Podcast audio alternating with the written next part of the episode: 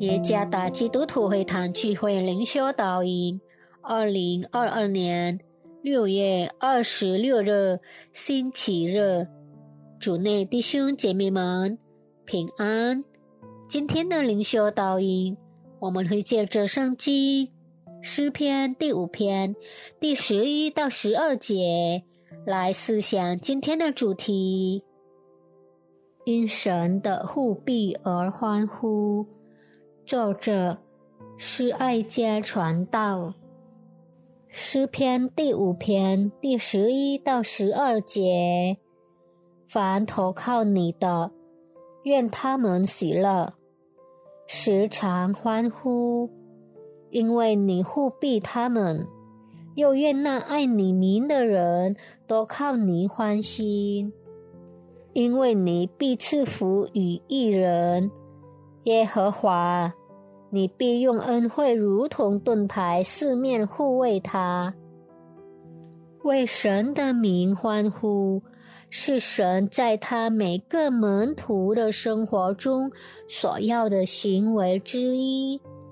然而，在基督的每个门徒所经历的所有生活问题的挣扎中，这成为了一项艰巨的挑战，因此，对于那些坚信神的人来说，即使正在困境和挣扎中，仍然能赞美他的名是很特别的，且还可以感谢他所赐的生命。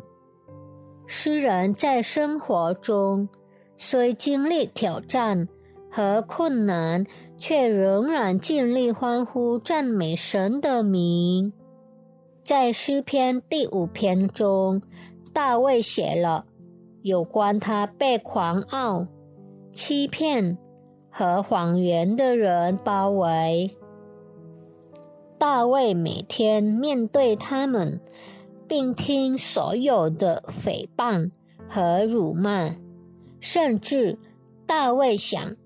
他随时都可能被他们吞没，但是让我们看看诗人如何面对摆在他面前所有挑战的态度。大卫学习以祷告来到神面前，在祷告中，大卫选择仍然在神的帮助里得庇护。大卫相信，来到神面前之一人的信心会带来喜乐，因为上帝会保护和赐福。因此，无论我们感到什么忧虑和面对任何挣扎，请相信有上帝的保护，神是唯一真正的避难所。来就近他，并开始与他同行吧。我们别再独自面对问题，因为他将引领我们更加亲近他。神是真正的保护之源，所以在他的名里高声欢呼吧。愿上帝赐福大家。